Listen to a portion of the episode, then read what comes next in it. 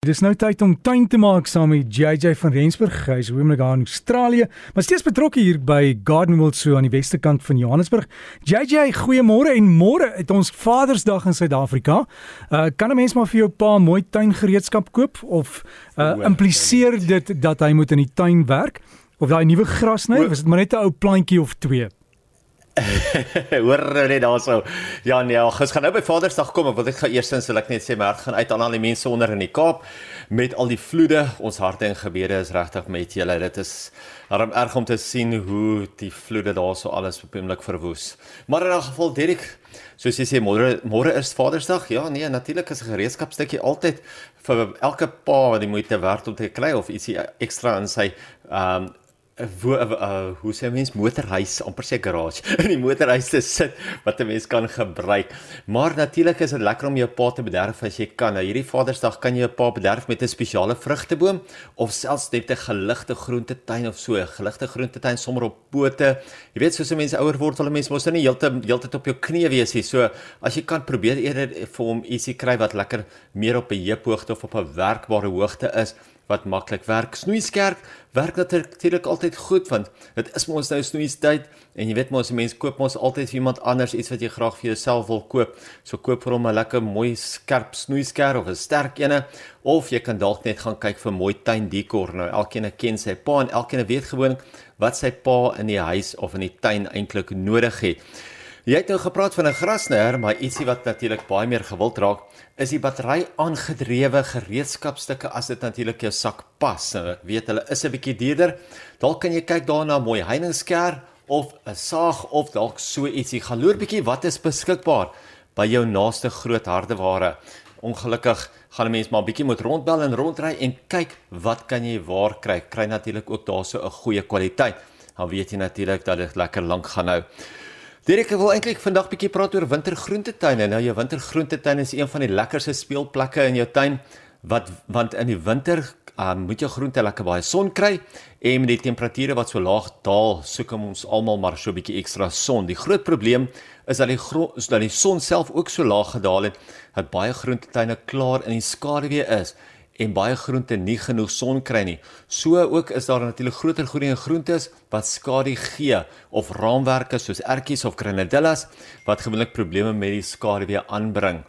Natuurlik sodra groente te veel skaduwee kry, verkleur die blare. Hulle word gewoonlik so bleekgroen kleur. Hulle verloor baie keer al hulle blare en hulle lyk siek al is hulle nie eintlik nie. Nou dit kom alles terug na die beplanning van die groentetuine toe. Om seker te maak dat jy genoeg spasie het tussen die groente self los is natuurlik baie baie belangrik sodat die individuele groenteplante sterk kan ontwikkel en genoeg lig van alle kante af kan kry. Ook om die klein groeiende groente soos jou beetradyse en jou klein kool natuurlik voor te plant en die groter groeiers soos jou kopkool, Brusselse spruit en jou broccoli agter te plant is natuurlik altyd raadsaam. Soos met die res van jou tuin is dit ook bes om jou groentetuin vroeg in die oggend nat te maak en te ontdooi. Nou, baie mense vra altyd wanneer is die regte tyd van die dag om jou tuin in die winter nat te maak en ook om jou grasperk groen te hou vir so lank as moontlik en die beste tyd natuurlik daarvoor is so net voor sonopkoms so ongeveer 6:30 of 7:00 in die oggend is gewoonlik beste tyd nou in die wintertye. Onthou mense hoef hom nie vir baie lank nat te gooi nie. Al wat 'n mens wil doen is jy wil net die ys basies afwas, die ys ontdooi en die plante self so warmer maak. Die lekker die maklikste manier om jou plante eintlik warmer te kry is om dit met water te doen. Want dan spoel 'n mens eintlik daai ys af en 'n mens ontdooi dit eintlik op die plante self en dan weet jy jou plante gaan nie so koue skare kry soos wat dit altyd sou gekry het as 'n mens dit net gelos het nie. So probeer om dit so 6:30 of 7:00 in die oggend te doen, net vinnig af te was.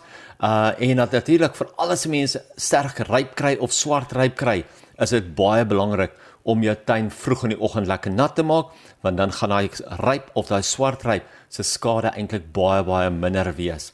Dit is plant van die week vir hierdie week is die Buxus Macrophylla Faulkner en dit is die Green Beauty variëteit. Nou, gewoonlik as 'n mens uh, foto sien of as 'n mens bietjie op die internet speel of as jy uh TV kyk en jy sien hierdie pragtige klein donker digte groen heiningkies wat die mense om die huise plant, is dit gewoonlik die bakses wat hulle daar gebruik. Dit is altyd lekker om te praat van een van die plante wat op vele maniere gebruik kan word. Green Beauty is 'n immergroen struik met klein helder groen blare wat in so tussen enige vorm gesny kan word. Hy's lekker gehard, hy kan in die volson of in die semi-skaduwee geplant word. Semi-skaduwee is natuurlik eintlik die beste vir hom. Hy hou van goeie ryk grond en gereelde water is ook belangrik. Soos ek gesê het, is hy lekker gehard, so hy kan baie ryp ook hanteer. As jy in 'n baie um, koue plek bly, kan jy hom maar daar by jou plant. Jy kan hom as 'n laaggroeiende um, groot heining of natuurlik as 'n groter groeiende heining ook plant. Hy groei gewoonlik so tot en met 1.5 meter hoog kan jy 'n heining van hom afmaak van 'n 20-30 cm af tot en met so 1.5 meter 'n lekker digte heining. Hy kan in potte gegroei word of hy kan in die tuin ook groei. So jy kan hom in 'n heining, in die potte of in die tuin groei. Nou anders as die ander bakses variëteite is hierdie 'n baie meer gehard teen die bakses vir welksiekte wat hulle ook altyd aanval. Baie keer kry mense dit met jou bakses dat jy kolle kolle dooie blare of takke op die plante self het en uh, dan is dit hierdie bakses vir welksiekte wat hom aanval. Hulle noem hom bakses blight in Engels. Nou gelukkig hierdie bakses variëteit is natuurlik baie meer gehard as die ander bakses teen daai verwelksiekte. So as jy kan, gaan bietjie kwekery toe en gaan vra bietjie daar by die kwekery. Jy wil graag daai bakses hê, maar sê vir hulle, jy wil die Falkner Green Beauty hê. Dit is ons plan van die week vir hierdie week. Ons gaan smaak. Dankie JJ en goeie Vadersdag vir jou ook en dit JJ van Rensburg met die tuinpraatjie. Lekker tuin maak.